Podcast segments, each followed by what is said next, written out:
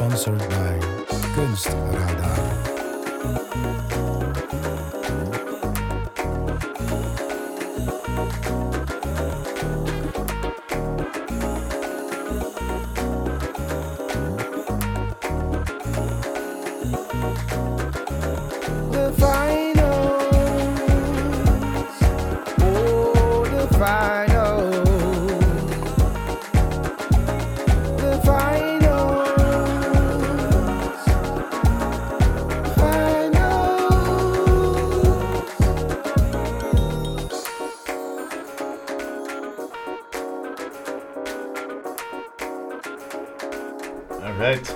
Dankjewel Henning en Eddy voor de intro. yes. Daar beginnen we het mee. En welkom Marika en Eva. En ook meteen bedankt Marike en Eva dat jullie hier op, eh, op de zaterdagochtend wanneer we dit opnemen eh, toch nog hierheen zijn eh, gekomen. Terwijl de school eigenlijk, ja, terwijl school van maandag tot vrijdag natuurlijk normaal is. Precies. Ehm, nou, eh, willen jullie welkom heten bij de Finals podcast, of onze luisteraars in ieder geval. En jullie eh, daarmee ook. Eh, het doel van de podcast is natuurlijk eh, om een bepaalde verdieping te zoeken. We hebben jullie gevraagd om voorwerpen mee te nemen en die zien we daar stiekem ook al liggen. Maar voordat we het daarover gaan hebben, gaan we het eerst even over iets anders hebben. Oh ja? Eh, ja, nee, wij zijn gewoon geïnteresseerd naar hoe jullie loopbaan hier is verlopen, zeg maar. Hoe, hoe zijn jullie hier op school gestart? Precies. Want ik denk dat dan de goede vraag is om altijd mee te beginnen, is wat voor verwachtingen hadden jullie bij de kunstacademie toen je hier voor het allereerst kwam? ik denk dat, eh, dat het een hele goede vraag is voor Eva om mee te beginnen. Oké, nou, ehm, ik had eh, de vooropleiding gedaan ehm, voordat ik naar de school ging. Daarvoor had ik, ehm, wist ik niet zo goed wat ik wou. Ik wou wel iets met kunst, maar wat, geen idee. Dus eh, op de vooropleiding had ik wel een beetje meer inzicht gekregen van wat fine art die opleiding een beetje meer inhield. Al was het toen vooral nog een beetje tekenen en zo.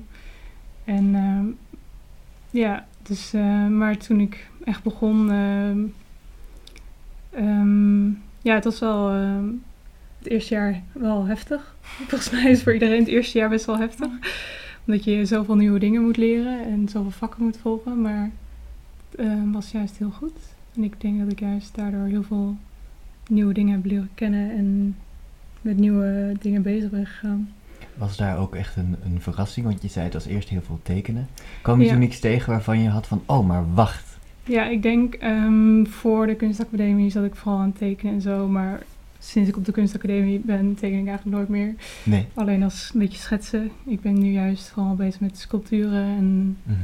dus dat was ehm, eigenlijk voornamelijk in het tweede jaar heb ik dat ontdekt. Met een project ehm, waar we eh, keramische beelden gingen maken. En dat eh, beviel mij. Dus sindsdien eh, ben ik hardcore sculptuur maken. Sculptuur maken. Dus dat was echt al in de tweede is dat bij jou begonnen. Ja, In de eerste... Ook door een project. ja Door een precies. project. Ik heb ja. samen met jou natuurlijk ook in een project gezeten bij eh, Jeremiah Day, Ja, performance ja. project. Oh, Doe, je, doe je daar ook nog iets mee?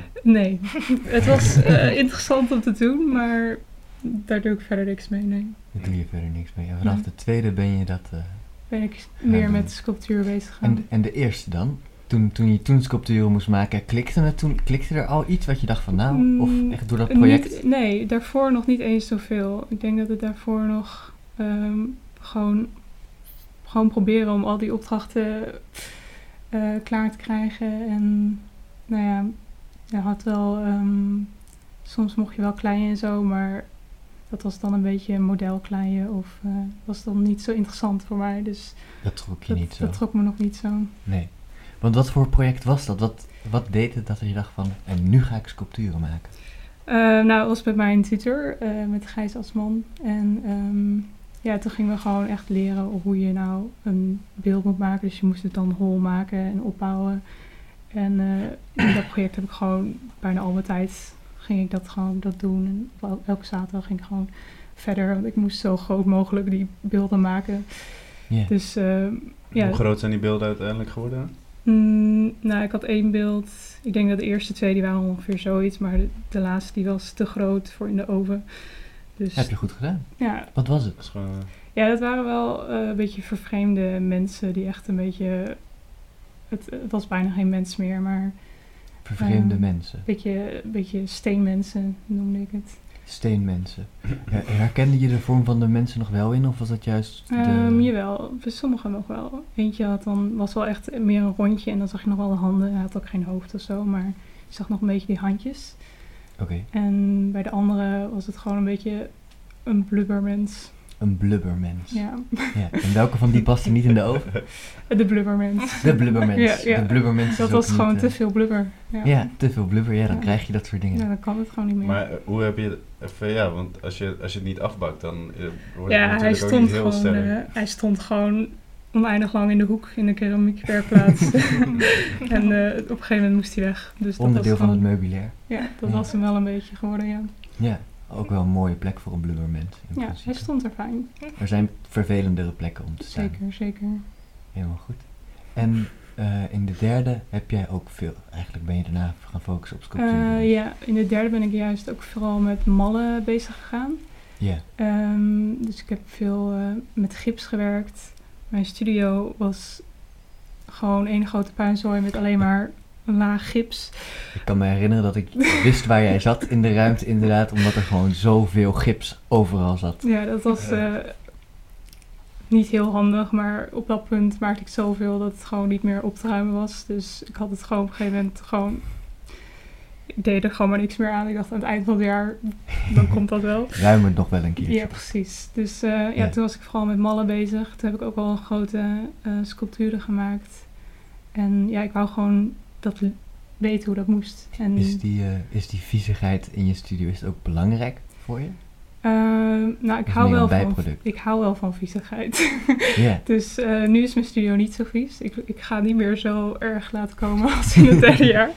Dat, eh dat heb ik wel afgezworen, zeg maar. Maar ehm, ik denk dat ik nu juist in mijn werk meer viezigheid ook heb. Als in ehm, een beetje objecten die ik meeneem, die zijn dan heel oud. En er zitten nog spinnenwebben en viezigheid aan. Dat vind ik juist Ja. wel fijn. Het object wat je nu ook hebt meegenomen. Maar Ja. daar gaan we het nu nog niet over hebben natuurlijk. En Marike, hoe was voor jou de, het eerste jaar? Ehm, het eerste jaar was voor mij eerlijk gezegd heel eh, benauwend. Of in ieder geval, ik vond het eerste jaar helemaal niet leuk. En eh, ik heb denk ik wel heel goed ontdekt wat ik niet leuk vond om te maken. Maar nog niet echt zo goed wat ik wel Dat leuk vond. Ook goed om te weten. Eh, ja, maar eh, ja, het eerste jaar vond ik echt, eh, ja, vond ik heel beklemmend. En na het eerste jaar heb ik ook, eh, ja, ben ik eigenlijk een tijdje ook weg geweest. Toen dacht ik van, oh, ik ga een andere studie doen, want eh, ja, misschien... ehm, Als in een tussenjaar? Of hoe, hoe nee, nou, het was eigenlijk ook echt maar heel kort. Maar het was wel een serieuze beslissing die ik toen maakte om echt een andere studie te gaan doen. Van oké, ik ga nu filosofie studeren om te kijken of dit, of ik dit wel, of, of me dit een andere vrijheid of zo kan bieden. Of, of, ehm, ja, of ik hier wel misschien goed in ben. Of I don't Mhm. know. Ik had heel veel onzekerheden over mezelf en over, eh, over de studie toen. Dus toen ben ik eventjes helemaal uitgegaan. En nou, toen merkte ik eigenlijk op de eerste dag daar al dat het ehm, helemaal niet mijn plek was. En eh, En je toch liever de confrontatie met jezelf aanging op de kunstacademie. ja.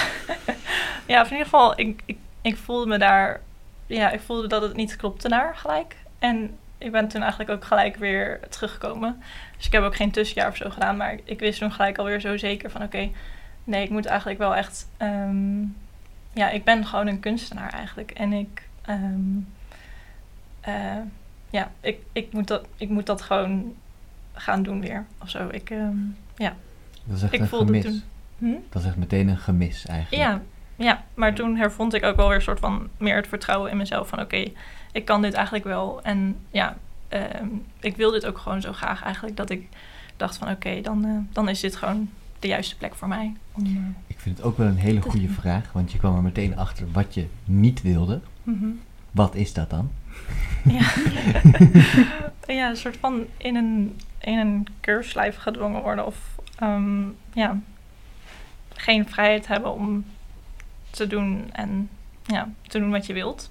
wat ik eigenlijk daarna wel, ja, wat ik dus in het eerste jaar heel erg voelde, dat ja, je allemaal dingen moet en je moet allemaal opdrachten maken en daar had ik een hekel aan. En allemaal lessen en je moet tekenen en daar hield ik helemaal niet van. En gewoon, I don't know, je moest allemaal dingen leren waar ik niet echt in geïnteresseerd was. En ik wilde gewoon eigenlijk graag ontdekken, ja, op mijn eigen houtje van wat ik eigenlijk wilde leren. En die vrijheid die miste ik heel erg.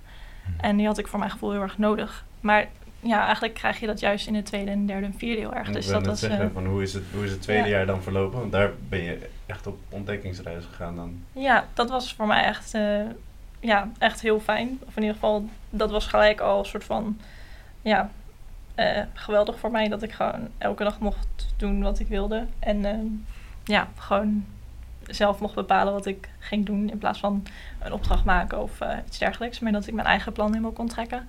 En ook gewoon echt hele lange en grote projecten kon maken. Dus niet dat je zeg maar binnen één dag of binnen één week iets klaar moet hebben, maar dat je gewoon echt helemaal ergens in kan duiken en heel, heel diep kan gaan zonder dat het, ja, zonder dat je wordt afgekapt of zo midden in een idee. Die projecten? Ik ben wel benieuwd inderdaad wat voor werk jij dan in de tweede maakte. Eh, in de tweede heb ik eh, mijn eerste werk een performatief eh, kunstwerk, installatie, nou geen installatie, maar een performance. Of in ieder geval, dat bestond uit een heel groot mensenaquarium. Of in ieder geval, het is een soort van houten, een houten aan de voorkant één raam. En aan de binnenkant zit een soort van spiegels. En die is helemaal dicht. En in dat aquarium ehm, in koud water soort van eh, voor lange tijd zat. Hm. Ja, met water helemaal soort van tot, eh, tot, mijn, tot een nok toe vol, zeg maar. Waardoor je een heel klein beetje ademruimte over hebt. Ongeveer ja, 1 meter hoog bij 1,50 of zo. Of in ieder geval echt een hele grote. En ehm, ja, dat heeft ook best wel veel onderzoek gevergd om, dat, eh, om zo'n groot aquarium te maken. En, eh, dat was eh, ja, best wel een groot project eigenlijk. Best wel een groot iets om te maken voor mij. En ook voor het eerst dat ik eigenlijk een performance doen. Of Mhm. ja, eigenlijk ook zoiets intens. Want het was best wel eng ook voor mezelf om ja, me zo te laten.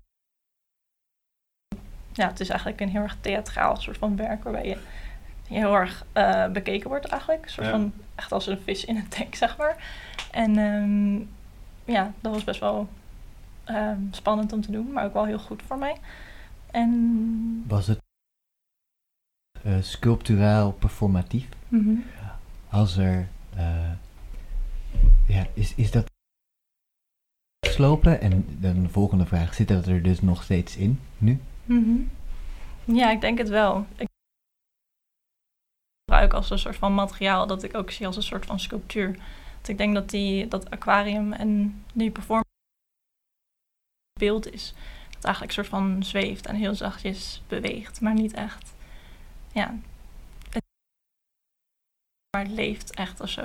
En dat, eh, dat vind ik heel interessant. En dat is eigenlijk nog steeds heel erg in mijn werk. Eigenlijk dat mensen. Een soort van veranderen in sculpturen. En je weet niet meer of ze nu eigenlijk leven of niet. Of dat ze, ja, eh, dat bevragen ze ook eigenlijk heel erg. Dus ja. Het klinkt een beetje alsof je een negatief schetst van wat Eva net zei. dat ze gebruikt en jij de mens als materiaal. ja. Zou je daarin kunnen vinden ergens even? Of is echt iets menselijks daarbinnen? Ik denk ehm, in de derde was ik daar nu eigenlijk wel heel erg van af ben gestapt. Ja, En, Was je- ehm, nu objecten en dat niet direct een mens eh, in mijn werk zit. Stap zo gekomen dan. Ehm, ja, ik zat er in de derde, zat ik daar wel, was ik daar wel mee bezig, want ik was heel erg bezig met en cultuur. En ehm, ja, hier was ik wel mee bezig, maar dat drukte toe. Ja, de mens als een soort als subject. Maar daar ben ik nu al echt. De mens is er nu eigenlijk gewoon uit. En meer. Ehm, ja, ik denk, de mens zit er nog. Mm. Meer objecten en misschien meer Alles rondom de mens of zoiets. Ehm, ja, in bepaald. ehm, ja, het zit er soort van nog wel in, maar meer van op het object. En dat beeld ik meer uit door het object. Dus je ziet het mens niet. Het, ga, ja, het gaat meer om het object en het verhaal om dat object heen. Denk ik. Mhm. Ja, precies. Kun je, kun je kun- zou je daar iets in herkennen? Wat jij ook doet, Marike? Mm, mm, ja, ik weet niet. Ik denk dat ik misschien meer van de andere kant kom. En dat ik meer alles zie als objecten, waaronder ook de mensen. Dat. eh,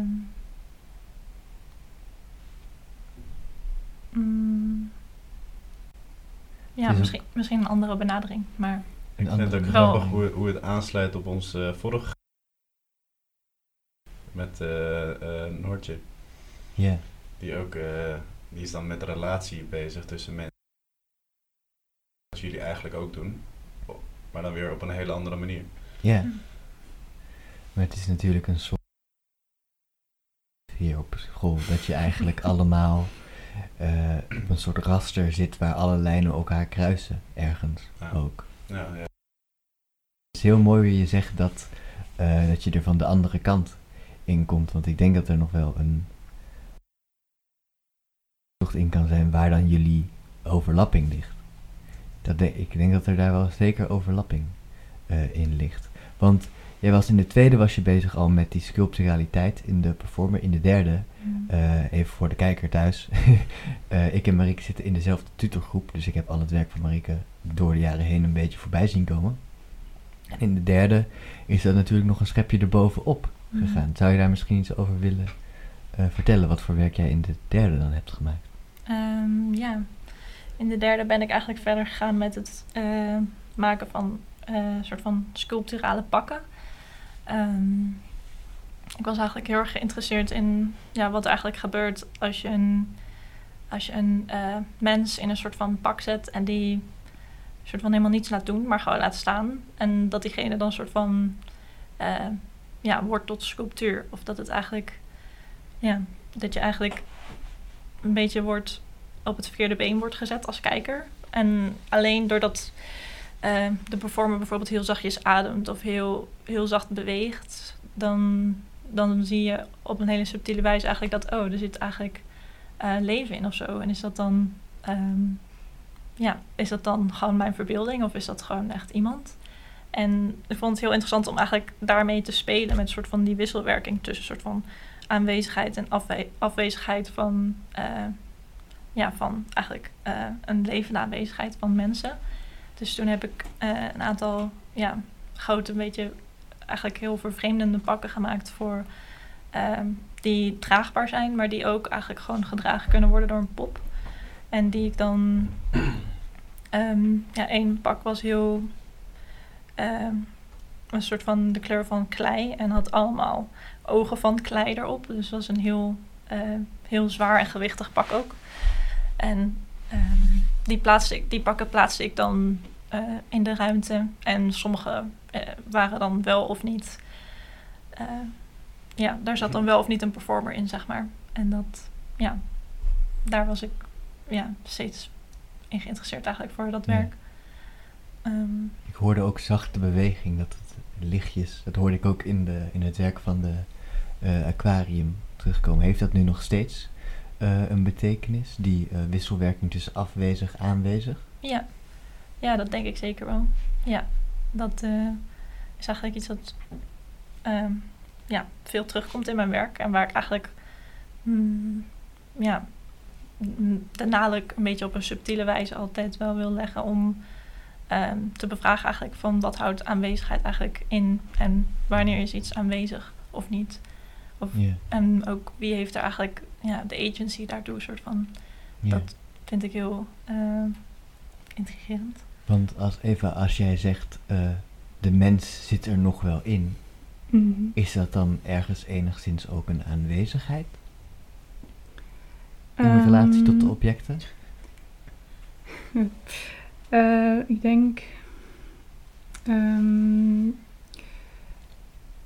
ehm, ik denk dat het, zeg maar, het hoofdonderwerp in mijn werk meer ehm, de objecten en de omgeving waarin die objecten bestaan, dat dat eh, meer het hoofdonderwerp is, maar dat eh, in die context van die omgeving de mens wel altijd terugkomt. En de mens heeft wel eh, invloed op die omgeving. En vaak ehm, eh, wil ik juist die invloed ook laten zien. Dus in die zin is er Ja. wel die aanwezigheid. Want er zit ook een, als je zegt ik hou heel erg van materialen waar stof en waar eh, viezigheid op zich, dat lijkt me ook een soort eh, tijdsspanne, letterlijk, die daarin zit in die context. Ja. Is het dan ook belangrijk in je werk? Ehm, ik denk dat ik ehm, in bepaalde werken ehm, is dat wel belangrijk, want ik wil een soort overbrugging van eh, zeg maar vroeger als in nou kan ik gewoon een concreet voorbeeld geven. Ga je gang, ga je gang. Eh, nou ja, ik heb dus één werk en dat is een oude kast. Ja, En ehm, dat is een grote kast die aan de muur hangt. En die heb ik gevonden op mijn ouders boerderij. Want ik ben opgegroeid op een boerderij en dat zit Ja. eigenlijk al generaties in de familie. En, hebben ze allemaal ook in dezelfde boerderij dan ja, gewoond? dus allemaal op dezelfde plek. Ah, dus ja. mijn opa eh, woonde daar ook en ook, ook een boerderij. En zijn vader ook weer. Ga je En- hem ook overnemen? Ik, dat is altijd nog een dingetje, maar nee, ik denk het niet. Daar wordt niet over gesproken. ook. Dat is, dat is, eh, dat is nog niet eh, echt aan de orde, nee. Maar ehm, eh, wat grappig is, is dat niemand ooit wat weggooit. En mijn vader gooit ook nooit wat weg. Dus er liggen spullen die daar al echt 50 of langer jaren daar gewoon liggen. En Weet je hoe lang het in de familie is al, de, de boerderij? Ehm, ik denk dat mijn de, de vader van mijn opa, ik denk dat dat de eerste was die op die plek echt eh, boerde. Ehm, dus een paar generaties nu. En, Ja.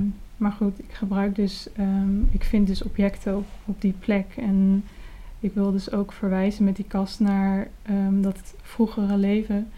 ehm, waar boerderijen nog kleiner waren en eh, niet zo intensief.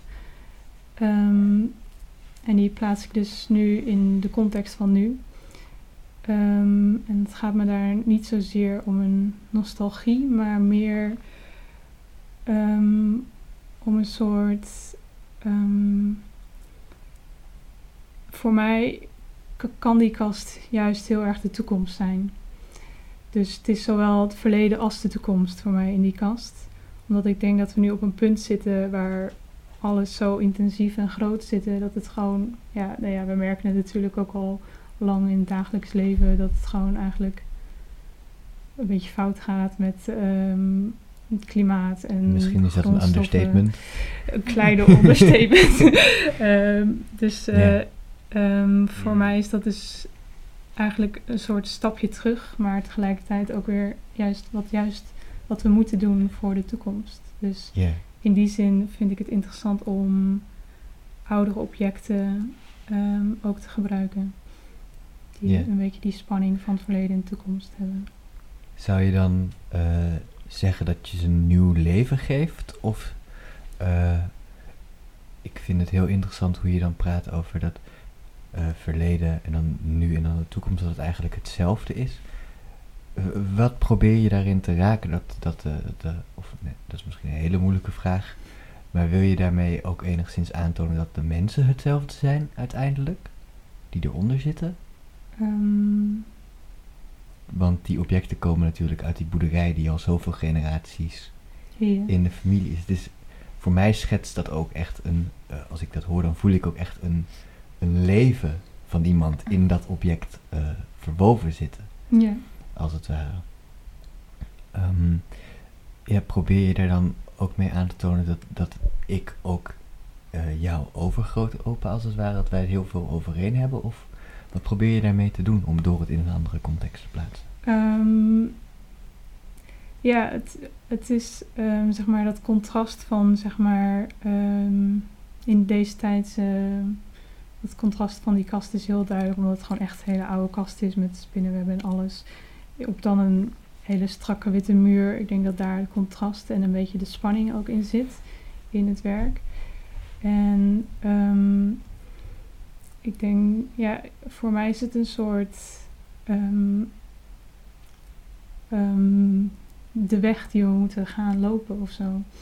Dus een beetje een, een mogelijkheid die we kunnen, of misschien wel de enige mogelijkheid wat betreft boerderijen eh, en landbouw. Ehm, ja, dat meer, ehm, ik denk ook dat. ehm, ehm, Heb je, heb je het dan over de afwezigheid van de mens, zeg maar? Als je dat, dat je dat ziet als de toekomst? Of nee. heb ik het nu verkeerd? Nee, het is niet de afwezigheid van de mens, maar dat de mens eh, dus een stap terug doet. En eh, omdat we nu leven in een tijd waar echt boerderijen enorm groot zijn natuurlijk. En intensieve landbouw is gewoon heel erg aanwezig en die heeft heel veel effecten ook op het land. En in mijn oogpunt heeft het, het hoeft niet zo. En het kan ook niet zo, tenminste niet voor veel langer.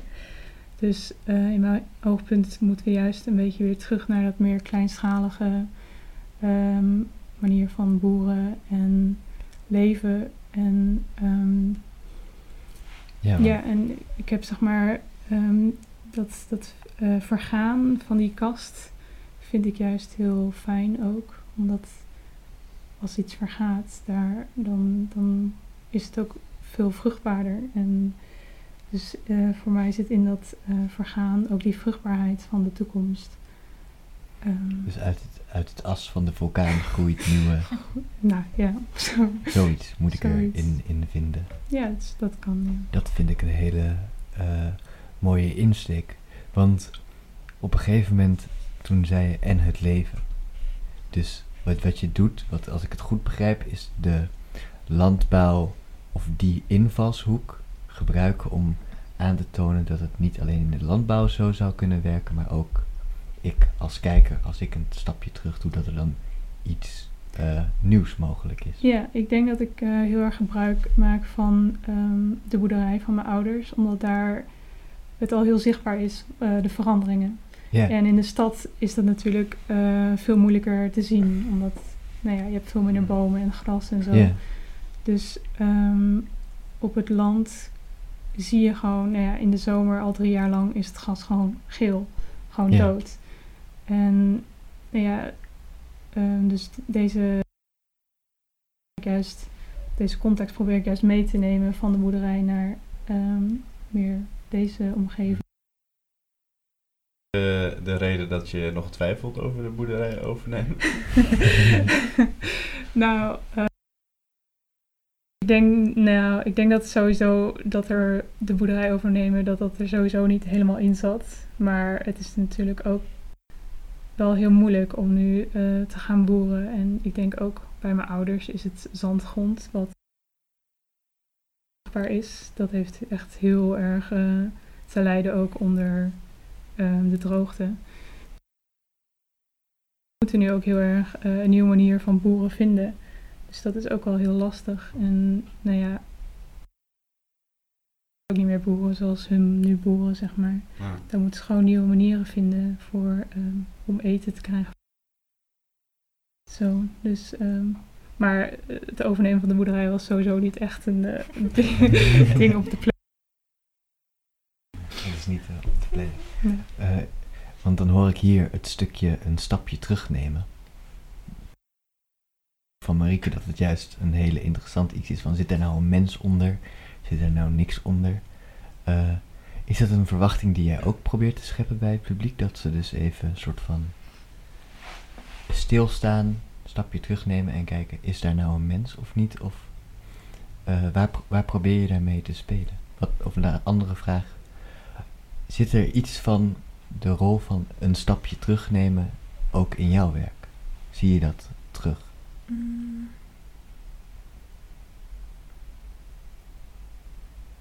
Ja, ik denk het wel inderdaad. Dat een soort van een. eh, ja, dat ik wel hoop dat. eh, ja, dat er wat afstand genomen kan houden tussen de, ja, de dingen die je bekend zijn. En dat, ehm, ja, dat je eventjes een stapje terug kan doen en ja, dingen weer anders ziet van verderaf. Ehm, ik denk dat ik daar ook wel vaker ehm, ja, die kant op ga in mijn werk.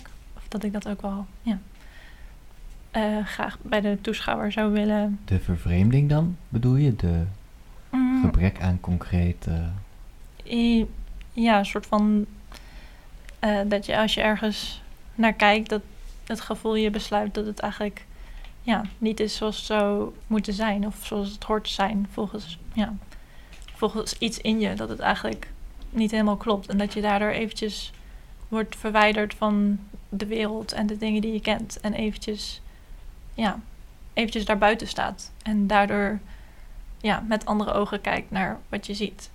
Dat is wat ik wel heel is het wat dan ik interessant eh, vind. een beetje dat onheimliche? Ja, ik wil het zeggen, ik kan, Ja, ik, ja, ja. kan me heel goed voorstellen dat je je heel erg ongemakkelijk gaat voelen als je in zo'n ruimte bent waarvan je niet zeker weet of het mensen zijn of, of gewoon eh sculpturen. Ehm, ja, ik snap waar jullie vandaan komen. Ehm, maar dat, dat woord zou ik zelf niet snel gebruiken. Of in ieder geval, ik gebruik, gebruik zelf altijd het concept eerie bij mijn werk. Omdat ik vind dat onheimlich is niet ehm, specifiek genoeg voor mij. Of in ieder geval, ik heb het idee dat er altijd heel snel mee wordt gegooid. En ehm, ik heb er daarom ook meer onderzoek naar gedaan van... ja, wat betekent dat nu eigenlijk in relatie tot mijn werk? En ik denk dat onheimlich eigenlijk ehm, heel erg komt van binnenuit. Dat het eigenlijk iets, dat er iets ehm, ja, binnenin zit wat, eh, wat weer naar buiten komt. Wat eigenlijk eh, ja, zorgt voor een bepaald soort vervreemding en verontrusting. Vanuit de, vanuit de vanuit de binnenkant. En ja, iets dat binnenin zit en naar buiten komt. Maar ik denk dat ik meer van, vanuit de andere kant kom. En dat zie ik terug in de Eerie. Dat eigenlijk dat, dat wat in de dingen in, eh, ja, om ons heen zit, dat het eigenlijk ons al vreemd is. Dat het inherent al eh, een soort van buiten ons staat. En ehm, ik wil eigenlijk juist door het perspectief van de buitenkant naar binnen gaan. Dus dat je eigenlijk door iets eh, ja, vreemds eigenlijk weer terug kan reflecteren op jezelf.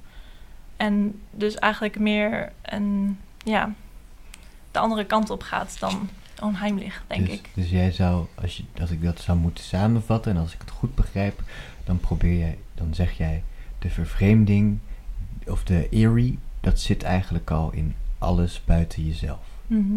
En in je werk zou je dat idee juist willen uitvergroten door het vanaf de andere kant te benaderen en te kijken, oké, hoe laat ik dat naar binnen werken bij iemand anders? Dat, Ja. Die vervreemding juist extra Ja. eh, groot te maken. Ja, en ik denk ook dat die eerie is een soort van, ehm, denk ik best wel ook een subtiele en ehm, genuanceerde vorm van vervreemding. Die eigenlijk, eh, ja, je als het ware zachtjes besluit, denk ik. En niet, eh, ja, niet zo macaber of zo, ehm, zo groots is, maybe als, eh, als het eh onheimliche. Dat het eigenlijk een veel stillere en veel, ja. ehm, Is, is dat een, een toesplitsing die jij dus de afgelopen, want daar hadden we het net over 2, 3, 4, 1, 2, 3, 4 jaar. Is die toesplitsing eh, geleidelijk aangekomen? Dus dat je zegt van, nee, nee, nee, het is niet onheimlich. Is dat zo een soort van gedistilleerd door de jaren heen? Of is er nog een verandering in geweest in waar je naartoe wilt? ehm, ja, ik heb daar uiteindelijk wel veel ja, naar gezocht en ehm, over nagedacht. En ik denk ook degelijk dat er wel iets eh, van het onheimliche ook relevant is bij mijn werk. Maar ja, ik geef zelf de voor, of ik benader mijn werk zelf vanuit de eerie. Dus ja, dat is gewoon hoe ik het zelf, ja, hoe ik er zelf naar kijk.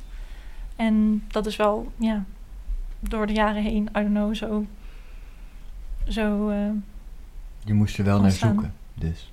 ja, ik heb wel. Ik voelde wel dat het niet helemaal klopte bij onheimlich. Of in ieder geval dat, dat het niet helemaal aansloot bij wat ik eigenlijk deed of wilde met mijn werk. En ja, dat eh, heeft ervoor gezorgd dat ik daar meer naar ben gaan zoeken, naar andere concepten die eh, wel beter bij mij aansloten. Ja. En ja, Het klinkt ook alsof je het nu heel duidelijk en super specifiek eh, kunt verwoorden. Ook dat je super goed weet waar je daarin naar op zoek bent in ieder geval. Ja, het is wel heel fijn om te horen. Denk ik.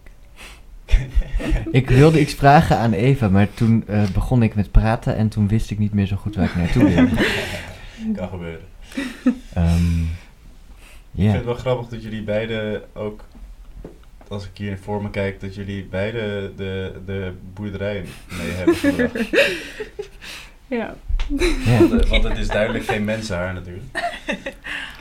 Laatste Ja. keer dat ik keek eh, in de spiegel was dat niet mijn haar inderdaad. eh, nee, Aha. Een afro eh, komt er dichtbij. een afro komt er dichtbij. Ehm, ja, ik zou wel willen weten eh, wat Eva heeft meegenomen. Want ik, de wol kan ik al herkennen. Maar ik weet niet wat er in die potjes zit. En ik vond toen je ze binnenbracht, toen vond ik het meteen heel gaaf. Eh, wat heb je meegenomen? Eh, nou, ik heb ook weer in een oude schuur gezocht naar objecten en dan kwam ik ook deze potjes tegen. En het zijn eigenlijk ehm, medicijnpotjes van mijn opa nog. Dus dat stond ook nog ergens op een plank eh, vergeten. Dus ehm, volgens mij bij de ene staat ook een labeltje. Dat is voor medicijn voor kalven. Als je dit meeneemt, hè, Ja. is er dan een discussie?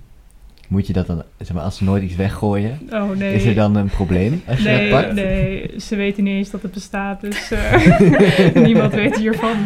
Oké, oké. Dus dat is geen probleem. Zo ver staat het weggemoffeld in de in Ja, we hebben Ja. gewoon één hele oude schuur wat bijna op instorten staat. En ehm, Is dat voor jou dan een schatkamer? ja, eigenlijk wel. Ik vind het wel heel fijn om daar rond te lopen. En eh, Ja.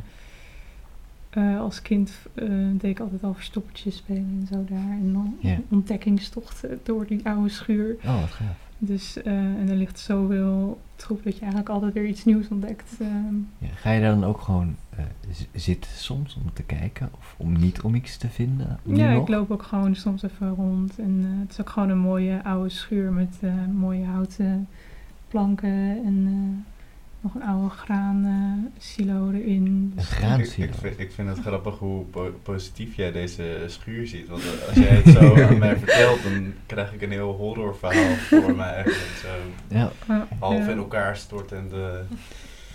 Ja, ja, voor mij is het altijd een hele fijne plek geweest eigenlijk. Ja. Gewoon, eh, ja. ja. Wat gaaf. Maar hoe, hoe groot is de schuur? Dat is ook alweer de volgende vraag. Ehm, ja, het is wel gewoon een grote schuur. Dus vroeger eh, stonden daar de koeien. Dus Ja. ehm, Die zijn vergaan. Die, die, die zijn al lang weg. Mijn ouders hebben nu geiten, dus ehm, Step it up. ja. en die zitten in een eh, wat betere schuur. Ja. Dus eh, ja, het is wel gewoon een grote schuur. Gewoon, eh, ik weet niet, er passen wel lengte van is t- twee, drie trekkers. Dat, eh, Ja. dat zegt me nog steeds niks, maar ik vind het wel heel mooi dat, dat, dat, dat er een hele mooie andere meetlat wordt gebruikt. ja, twee, drie, drie. Hoe, eventjes dan eh, voor mijn beeld. Eh, ja. Hoeveel trekkers is deze gang lang? Ehm, nou, het is één trekker met zo'n eh, nog extra aanhang. Eén trekker met extra aanhang, keer drie. Dus, lieve luisteraars, als u binnenkort een trekker met aanhang ziet, keer drie, dan weet u hoe groot de schuur is. Ehm, maar in betrekking tot je werk.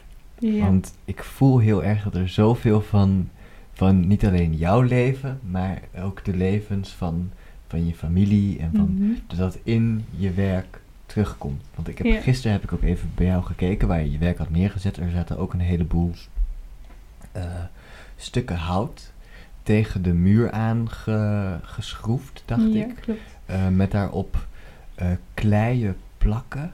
Of in ieder geval, het zag er... Wat was het precies? Gips. Gips. Ja. Dus houten planken met gips erin. Ja, klopt. Ehm, ja, die planken die komen ook weer uit de schuur. Ideaal voor eh, materiaal. Ehm, het zijn eh, planken die worden gebruikt bij het melken. Want alle geiten worden dan zeg maar ehm, vastgezet. En eh, om, ze hebben allemaal hoorns. Ehm, dus er moeten planken tussen, zodat ze niet elkaar gaan vervelen en dan elkaar gaan bezeren, weet je wel. Dus die planken zijn dan ook, je ziet helemaal ehm, het afgeschuurde. Dus die planken worden door de tijd afgeschuurd door die hoorns. Mm. Ehm, dus dat vond ik gewoon een heel interessant object ook. En ook weer met dat eh, meenemen van die context naar eh, een nieuwe plek ehm, heb ik ze ook weer opgehangen in een vast ritme, zeg maar. En dan ehm, ja, met gips om een beetje dat nieuwe en die vorm te benadrukken. En. Het klinkt alsof je stiekem toch een beetje de boerderij overneemt. Op Heel- deze Heel manier. stiekem, eh, ja, nou ja, op een andere manier, Op ja. een hele andere eigen manier. Maar dat vind ik wel heel mooi, omdat het, eh, het lijkt wel alsof je ehm, eerst een heleboel dingen daar eh, ergens iets wilt neerzetten, wat dan een sculptuur was. En het lijkt nu alsof je vanuit echt je eigen leven en eerst naar binnen bent gekeerd en hebt gezegd, oké, maar nu mij.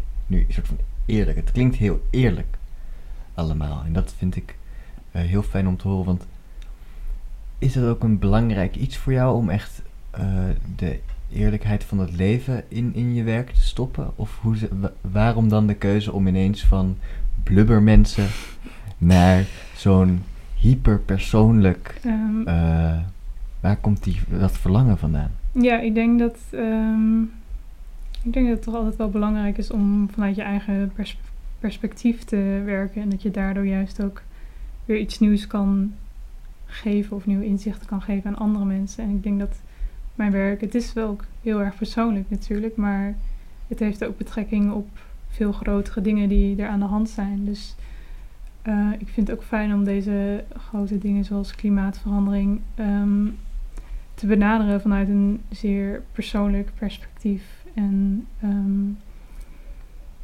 ja, gewoon ehm, de boerderij is mij natuurlijk heel erg dierbaar. En de veranderingen die daar gebeuren, dat probeer ik dan nog te vangen en ehm, te laten zien. En eh, ja. Ja, waardoor het eh, uiteindelijk vanuit het persoonlijke dus naar iets groters ja. dan jezelf.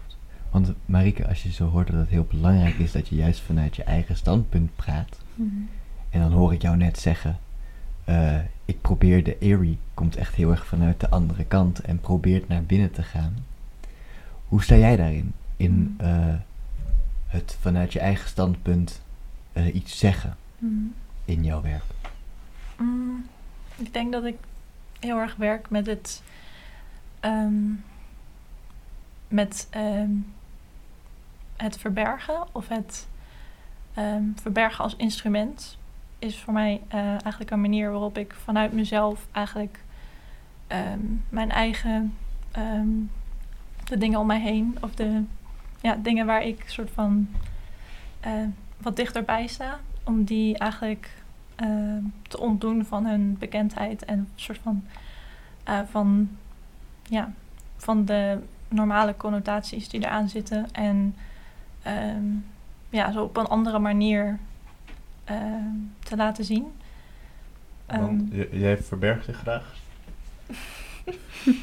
ehm, ja, denk het ook wel. of in ieder geval, ik, ik verdwijn graag. Een soort van, ik word niet graag gezien. En dat doe ik denk ik ook heel erg in mijn werk. Maar dat is ook alweer een manier waarop ja, dingen ook juist gezien kunnen worden.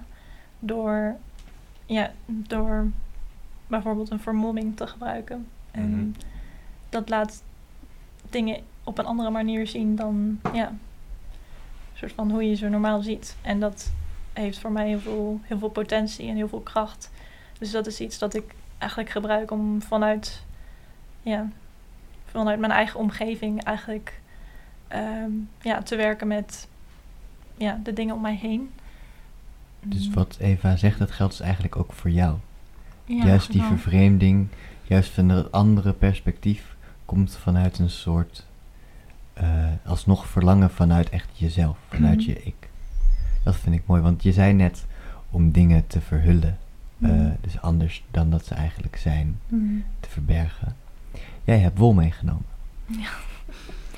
En ik denk dat dat wel een... eh, Ik weet ook stiekem dat ze ook heel veel heeft. ik weet stiekem dat ze heel veel heeft. Dus mijn vraag was eigenlijk, hoeveel tractoren heb jij nodig gehad? Hoeveel, hoeveel trekkers lang is jouw wolvoorraad? Zo, Oh, eh. is- ja. Ja, ik, kan niet goed, eh, goed denken in trekkers, maar, eh, maar sowieso wel één kamer vol, ja. Is dat een halve trekker? Even? Eén kamer vol. Ja, dat is wel... Of drie kwart? Een flinke aanhangwagen. ja, zeker. Mooi. Ja. Maar, wat ga je met het wol doen? Wat heb je met het wol gedaan? Eigenlijk is meer de vraag. Ehm, ja, de wol is eigenlijk, eh, gebruik ik ook eigenlijk om als verberger. Of het, ik maak er eigenlijk een vermomming van voor mijn eigen slaapkamer.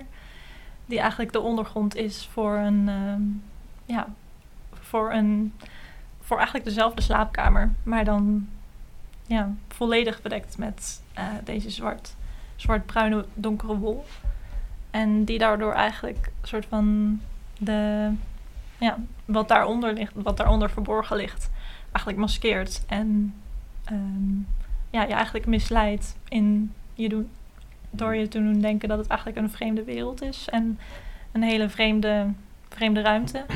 Terwijl het eigenlijk een, ja, anderzijds een hele intieme en hele, ja, hele, Heeft het, heeft het materiaal eigenlijk ook nog een bepaalde specifieke betekenis? Want het is best wel een ja, vervreemdend materiaal, maar Mhm. het, heeft de Ja. afkomst of zo er iets mee te maken? Of, ehm, ik weet niet. Nou, ik was er eigenlijk bij toeval. Ik, ik had bij toeval eigenlijk één, eh, één zo'n grote zak gevonden met, met deze wol bij een kringloop ergens. En ik dacht van, oh, Hmm. dat ziet er wel heel mooi uit. Toen heb ik het gewoon meegenomen. En toen was ik eigenlijk heel erg geïntrigeerd door het materiaal. En door soort van de kwaliteiten ervan die het ja, doen lijken alsof, het- alsof het soort van ademt. Alsof het soort van eh, ja, beweegt van zichzelf. ja, er heeft natuurlijk ook leven in gezeten. Dat Ja, is ook wel een ding. Ja, het is inderdaad precies de vacht van een levend wezen ook geweest. En het, ja, soort van die mysterieuze eigenschappen van het materiaal, die trokken mij heel erg. Dus ik wilde daar meer mee werken. En dat, ja, dat ongrijpbare, dat, eh, dat vind ik daar met name heel intrigerend aan. Dat het zo veranderlijk is ook als materiaal. Ook om er mee te werken, ook al werk ik er zeg maar elke dag mee. Mm. Het is nog steeds eigenlijk, het blijft nog steeds eh, heel ver weg van mij of zo. Het, ja, ik snap het nog steeds niet helemaal. Dat, dat vind ik, ja. Want als, het, als, het, als de wol zo binnenkomt, dat komt natuurlijk niet meteen zo zacht Mhm. en eh, lekker ruikend binnen. Moet daar nog iets mee gebeuren voordat, voordat je dat... eh, John, eh, ik ik jij moet... mag het ook vertellen eigenlijk. Ja, maar ja, dat, is dus, dat is het dus. Ik heb in Mariekes atelier meerdere eh, uren doorgebracht. Doordat Marieke hulp nodig had. Eh, en dan, het is, ik vind het zo mooi, dus ik dacht, nou, dat, misschien moet Marieke dat even eh, vertellen. Eh, Ik kan het ook doen. Ik kan ook doen wat er mee gebeurt, maar ik denk dat Marieke dat wat beter kan. Ja, ehm, nou, het komt inderdaad binnen gewoon net van het schaap. Of in ieder geval, ik haal het bij boeren vandaan die eh, het schaap net geschoren hebben. En dan eh, moet het dus ja, aan een flink proces ondergaan worden om het eh, zeg maar te kunnen verwerken. Dus eerst eh, was ik alle wol en eh verwijder ik soort van alle ja, stroodingetjes en een soort van vieze dingetjes die erin zitten. En dan, eh, dan laat ik het drogen in de zon. En dan eh, moet het allemaal gekaard worden met eh, speciale kaarden voor wol. Ehm, zodat het soort van, ja, alle vezels gelijk worden en het, ja, er mooi en fluffy uit komt te zien. Iedereen En voor niet wat een, een, wat een gaarde is. Dat wist ik namelijk ook niet. Het zijn een soort van houten paneeltjes met allemaal eh soort nietjes zo op. ik eh, kan het Hele dunne spijkers. hele, zo, hele ja. dunne spijkers Ja. naar boven gericht en die doe je dan op elkaar, doe je de wol tussen en doe je zeg maar dit. Ja, ja die trek je over elkaar elkaar, heen. ja. Die trek je over elkaar heen. Ja. Inderdaad. ja, en dan krijg je gewoon dus dit soort wol. En ehm, daarna ehm, dan eh, lijm ik het eigenlijk op een eh, stoffen ondergrond. En dan vilt ik het allemaal vast eh, met gewoon naald, een naald, naaldfilten. Dus het is best wel veel werk. Ja. Maar eh, Gelukkig heb je handen die je helpen. ja, Niet fijn. alleen, Wordt niet alleen ik. Ik denk dat er eh, ook Eva. flink veel mensen zijn inderdaad. Die, eh, omdat jij net eh, zei dat je het heel prettig vindt dat het materiaal leeft op zichzelf. Mhm. Ik heb ergens het idee alsof dat bij jouw materiaal, eh, dus de kast, ook voorkomt. Ehm, ja, ik denk dat, eh, ja, daar, dat klopt wel een beetje. Ehm, ik denk dat bij mij ehm, de objecten en materiaal is voor mij ook wel belangrijk eh, om daarmee te werken. Want ik heb natuurlijk eh, gevonden objecten en die hebben eigenlijk een leven op zichzelf of nog in zich. Die dragen dat met zich mee. En objecten die ik zelf maak met ehm, klei en gips.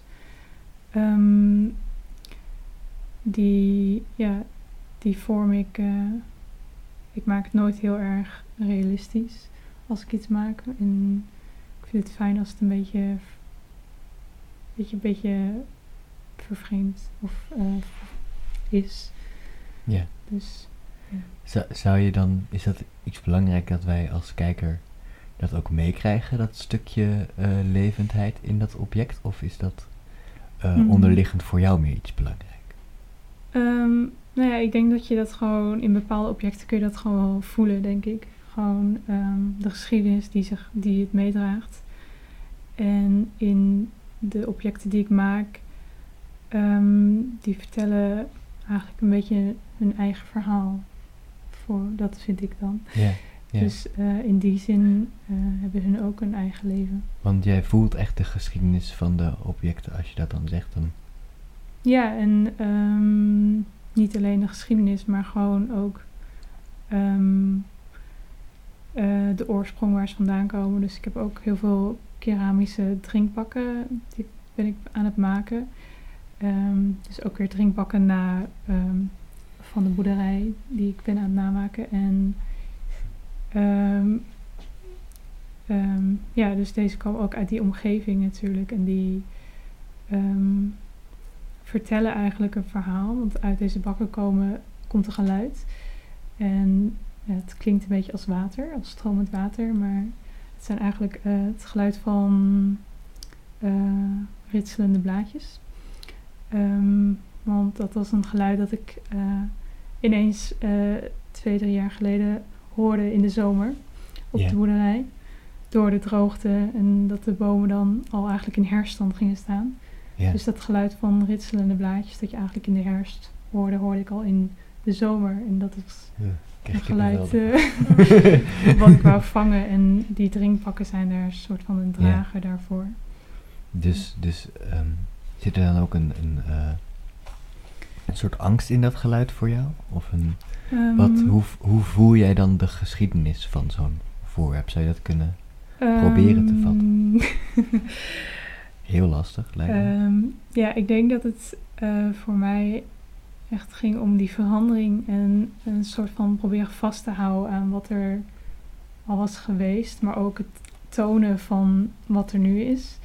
En dat die eh drinkbakken dus eigenlijk een beetje die, dat, dat voor water en die droogte, ehm, dat dat een beetje samenkomt daarin. En ja, die geschiedenis, ehm, ja, de drinkbakken die gewoon, eh, dat zijn ook objecten die ik dan ook weer, oude drinkbakken die ik kan vinden in de boerderij. Dus daar zit ook weer die geschiedenis in. Maar ze zijn ook gewoon nu in gebruik. Ehm, dus het is gewoon een beetje ook op dit moment. Dus ik denk dat dat werk wat meer op dit moment Ik vind, het, gegrond ik vind het staat. een mooie overstap om naar eh, een van onze laatste vragen te gaan. Ja. Ik We denk hebben dat het we- over geschiedenis, het nu. We willen, willen eigenlijk weten wat jullie eh, in de toekomst van plan zijn. Ja. Oftewel na de finals, wat, wat, wat is jullie plan? Marieke. Ehm, ja, ik heb niet echt een concreet plan of zo. Maar ehm, wel een droom. of in ieder geval. Die willen we ook graag weten. ja, zeker.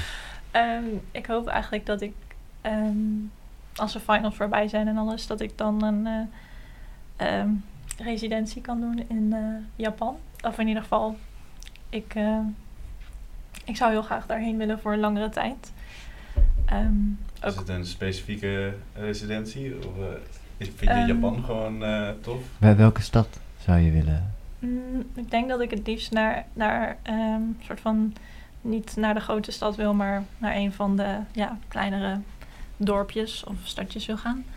Ehm, omdat ik eigenlijk heel erg, ja, het land trekt mij heel erg. Dus niet voor een specifieke residentie, maar eigenlijk zou ik heel graag daar meer willen le- leren over hoe ze daar eigenlijk ehm, ja, binnen hun cultuur bijvoorbeeld met eh, animisme en meer soort van andere manier met omgang van eh, de dingen om ons heen in het leven staan. Ik, ik moet opeens denken aan ninja's bij jou. Maar dat, Verborgen in de schaduwen. Ja. Maar animisme, dus ja, want ik weet dat jij een gigantische fascinatie hebt met eh, het land en de cultuur van Ja, Japan, inderdaad. ja, En als je dan zegt animisme, dan Mhm. zie ik het juist ook heel erg terugkomen in de wol. ja. En dat is levende van. Of in de- ieder geval, ja. En ook de schaduwkant soort van, van de dingen die, ja, die daar voor mijn gevoel een plek heeft in het leven. En ehm, dat, ja, zou ik eh, meer, ja, meer omringd door willen zijn. ja, het klinkt, eh, klinkt mooi. Denk ik, want de schaduwkant van de dingen, hoe, hoe zie je dat dan voor je om daar meer omringd door te zijn? Missen we dat nu hier dan? Ja, ik heb het idee dat er niet zoveel eh, ruimte misschien is voor dat er sommige dingen buiten bereik liggen. Of in ieder geval dat dat ook aanwezig is in het leven. Ja, En ehm, ja, ik heb het idee dat dat daar meer wordt geaccepteerd of zo. Of dat dat daar, ja, daar is ook bijvoorbeeld ja, in de, de folklore is daar nog heel aanwezig in. Het idee van ehm, geesten en yokai, een soort van ja. ja, wezens die om ons heen zijn en die, ja, Mhm. ehm, Die ons steun geven of storen. Ja, ja. ja, of andere dingen doen waar we eigenlijk ja, niets die, van eh, begrijpen, maar die, ook, die er ook mogen zijn. En die je boos Dat, eh, kunt maken en dat er dan niets gebeurt in plaats van dat, er, dat we doorgaan met wat we aan het doen zijn. Ehm, Ja, het klinkt als een, als Ja. een mooi streven. Ga je dat ook echt pro- eh, ga je dat dan volgend jaar ook proberen om, al de, om je aan te melden al voor de residencies? Of denk Ja. je, Ja, in ieder geval, ik heb een aantal residencies waar ik me voor zou willen aanmelden, die me heel leuk Oké. lijken. Dus dat ga ik proberen. Wat en goed. dat, eh, Cool. ja, dat is mooi. we'll see. En Eva, Ehm, hoe zie jij het voor je? nou, ja. Ik heb nog niet heel veel plannen, eerlijk gezegd. Ik wil gewoon voorlopig nog wel eh, in Arnhem blijven. En dan ga ik eh, als bijbaantje op mijn ouders boerderij toch nog werken. Eh, Daar begint het. ja, ja, Oh, jee. ik sluip er toch stiekem in. En het Eh. eindigt met schapen. met geitenmelk. Dus, ehm, en dan wil ik eigenlijk gewoon, ja, ehm, ja, voorlopig nog wel even in Arnhem blijven. En dan gewoon hier proberen ehm, te werken en wat op te bouwen. Wel, wel gewoon als kunstenaar eh, verder. Ja, ja. Wel als zeker. kunstenaars Ja, verder. ja. Ja, ik, ik merk dat er in jullie allebei een heel erg eh, drang is om dat ook echt te gaan doen, het kunstenaarschap. Ja, En dat is wel heel mooi om te horen. Ik vind dat jullie ook echt super mooi in dit gesprek vanuit jullie eh, geheel persoonlijke blik eh, de dingen hebben echt goed kunnen schetsen en eh, kunnen uitleggen. Dus daarvoor heel veel dank. Denk Ja, ik zo. Zeker, super bedankt. Zijn En, er, eh, en eh, wat we natuurlijk ook, eh, waarom we deze podcast natuurlijk ook doen, is om Hm. jullie eh, zichtbaar te maken. Sorry. dus eh, we eindigen eigenlijk altijd een beetje met eh, jullie sites, die we natuurlijk ook gewoon eronder gaan benoemen. Maar het is altijd fijn om het even van jullie te horen. Precies. Oké. Hebben jullie een website waar we jullie kunnen vinden of een eh, social media account of iets? Eh, ja, je kunt mij vinden op mijn website is evavanwenum.com en ook mijn Instagram is Eva van Wenum. Ehm, ja. Makkelijk zat. Ja. Dankjewel. Ja, mijn website is ook mariekanon-peters.com. Oké. En, eh, En daar kunnen we jou op, daar kunnen we jullie op vinden en wat jullie allemaal nog gaan doen. ja, En hopelijk een residentie in Japan binnenkort. hopelijk. Dat zou heel cool zijn. Ja. Nou, ik denk dan dat we bij het einde van de podcast eh, zijn aangenomen. Dank jullie wel. En, eh, Heel erg bedankt, voor de, bij de finals. Of, eh, succes bij succes de bij de finals. En lieve luisteraars, we komen natuurlijk nog met meer afleveringen. Als je tot hier hebt gehaald, gefeliciteerd. We zijn bijna klaar. Ehm, maar er komen natuurlijk nog veel meer afleveringen aan. Dit was de derde in de reeks. En ja, we hopen jullie eigenlijk bij de volgende aflevering ook weer te zien. Yes, zeker. Nogmaals, hartstikke bedankt en tot de volgende.